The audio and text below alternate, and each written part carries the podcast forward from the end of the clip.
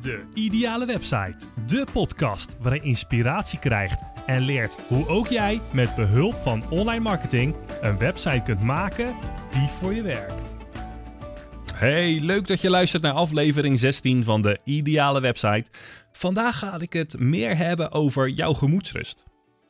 Ik vind dat het tijd is dat hierover gesproken wordt. En ik denk dat er al veel meer over gesproken wordt. Maar goed, ik ga het hebben over jouw gemoedsrust. En niet over die ene te gekke tip waarmee je jouw website kunt verbeteren. Nu we bijna één jaar, ja echt waar, één jaar in coronacrisis zitten, die gaan we echt aantikken. Straks is het maart, het is zo, het is zo gebeurd. Nou, ik zie steeds meer ondernemers om mij heen die het niet meer zien zitten en nog maar amper hun hoofd boven water kunnen houden.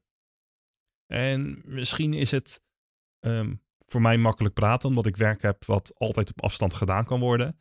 En er altijd wel iemand is die ehm, misschien nu start. Want ja, je kan zeggen wat je wil, maar een crisis is wel de perfecte manier om te starten. Want uh, uh, goedkoper kun je nu gewoon niet beginnen en je bent nog aan het opbouwen.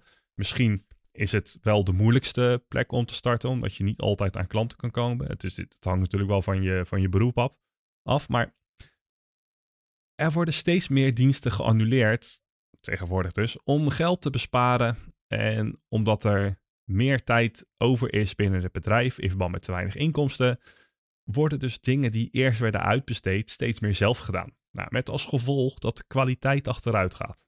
Nog minder klanditie en een burn-out dat op de loer ligt. En niet iedereen ehm, kan een burn-out zien aankomen. Er zijn ook mensen die een ehm, die eigenlijk goed op weg zijn naar een burn-out, maar het niet onder ogen durven te komen. Toen ik, nee, dat, gaat mij niet gebeuren. Ik ga gewoon keihard door en dan komt het vanzelf wel goed.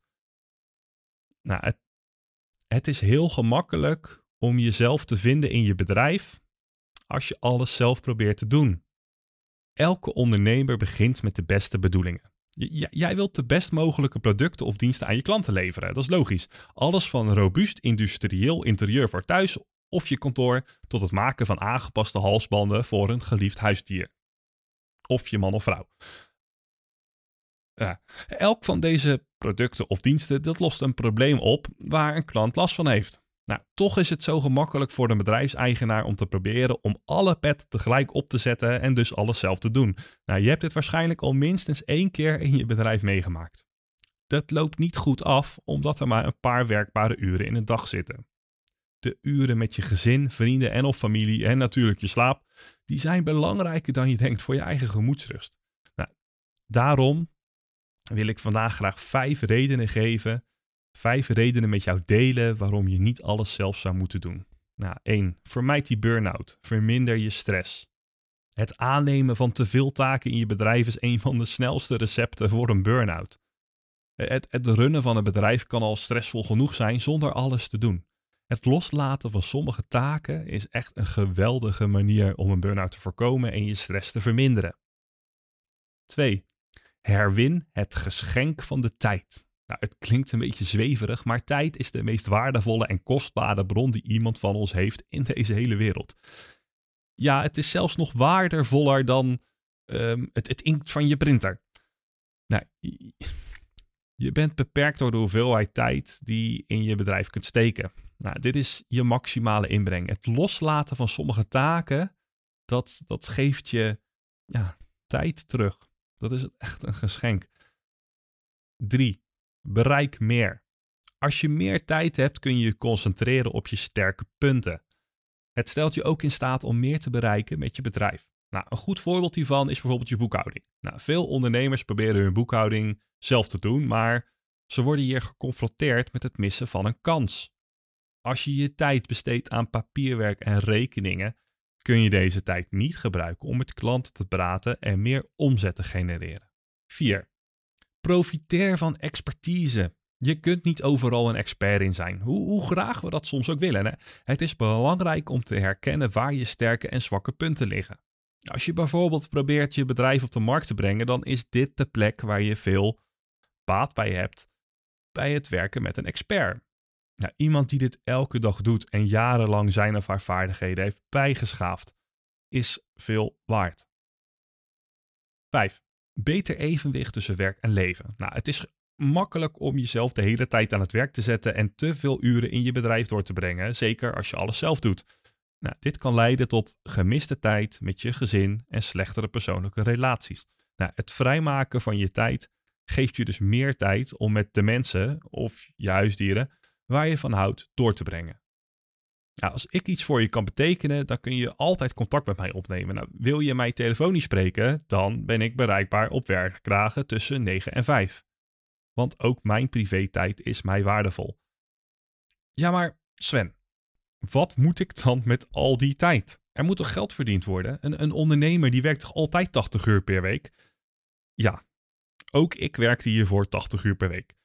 Toch heb ik nu een betere kwaliteit van leven door meer tijd over te hebben in mijn privéleven.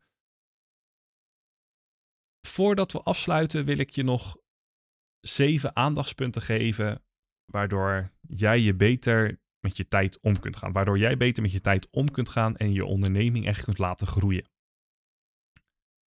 Luister goed. Punt 1. Een van de meest waardevolle bezittingen die je bedrijf kan hebben is tijd. Nou, ik heb het net ook al gezegd. Zorg ervoor dat je deze tijd besteedt aan de dingen die je niet alleen het liefste doet, maar ook waar je zo goed in bent. 2. Wat moet je dan met al die vrije tijd die je wint door je terug te trekken uit taken die je niet nodig hebt? Nou, je kunt je dus richten op het runnen van je bedrijf. Het opbouwen van je klanten en klantenrelaties, maar ook je familietijd en je persoonlijke interesses. Nou, het echte leven dus. Het heeft echt geen zin om 80 uur in je bedrijf te storten en vervolgens je huwelijk op de klippen te laten lopen en je kinderen kwijt te raken. Misschien een beetje een grof voorbeeld, maar ehm, er zijn wel mensen waar het uh, zover gaat, helaas. Maar zie het dan ook zelf in. Durf die zelfreflectie met jezelf aan te gaan. 3. Het inhuren van een expert, dat opent een wereld aan mogelijkheden. Deze expertise die je in huis haalt zal een grote reflectie zijn op je merk in de ogen van je klanten. Je laat hiermee zien dat je het oplossen van het probleem van je klant echt serieus neemt. 4. Het identificeren van de dingen die je aan iemand anders kunt overlaten. Nou, dit is, dit is denk ik de meest belangrijke stap waar veel mensen moeite mee hebben. Ik, ik, ik worstel daar zelf ook een beetje mee. Wat houdt je tegen om die dingen die je doet? Wat houdt je tegen om de dingen te doen die je echt wil doen? Meestal is dat tijd. Doordat je een betrouwbaar persoon inschakelt om te helpen, investeer je in experts die je bedrijf naar een hoger niveau kunnen brengen. En alleen dan kun je groeien met je onderneming. Wanneer jij op papier hebt hoe jij bepaalde taken doet, als jouw processen duidelijk zijn, dan is dat ook iets waardoor doordat jij het weet, kan jij het makkelijker uitleggen aan iemand die, ja, waarvan jij graag wil dat hij het voor je doet. Dus zorg dat je het op papier hebt staan, dat je het kan onderbouwen, dat jij het snapt. En wanneer jij het snapt, kan jij dat ook aan die andere persoon uitleggen, zodat hij het ook gaat snappen. En natuurlijk zit daar dan een learning curve in. Iemand die, die moet dat um, een aantal keer gedaan hebben. Jij bent ook niet vanaf dag één direct goed geworden in je werk. Jij hebt daar ook uh, ervaring in opgedaan. Dus die tijd die moet je ook kunnen geven. Laat het los. Laat het gaan.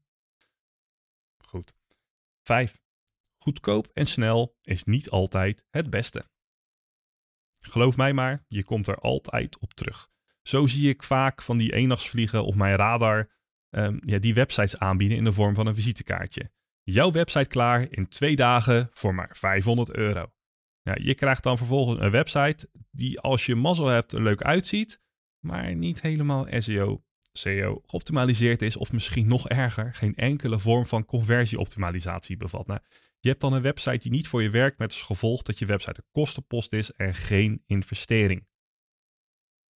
Zo heb ik een keer een, um, een serieuze offerte gemaakt voor een bedrijf. Die wilde een, een nieuwe website, want de huidige website haalde geen klanten binnen.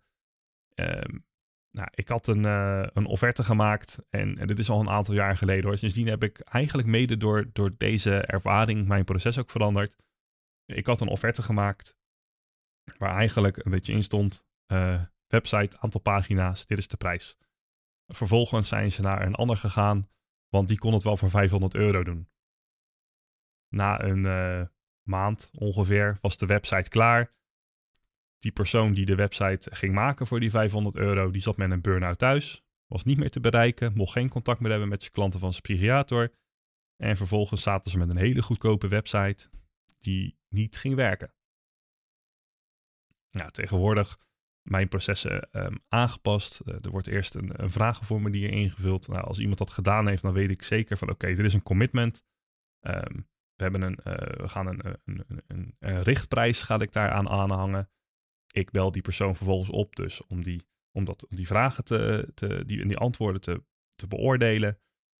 En aan de hand van die richtprijs, dan zeggen we, nou, ik heb hier een balpark en er, zit, er kan dan best wel een aantal duizend euro uh, uit elkaar liggen van begin tot eind. Dat ik zeg, is tussen de 2 en 4000 euro is jouw website. Um, ik zeg niet dat het uh, helemaal 2000 wordt. Ik zeg ook niet dat het 4 wordt, maar hou een beetje rond die 3.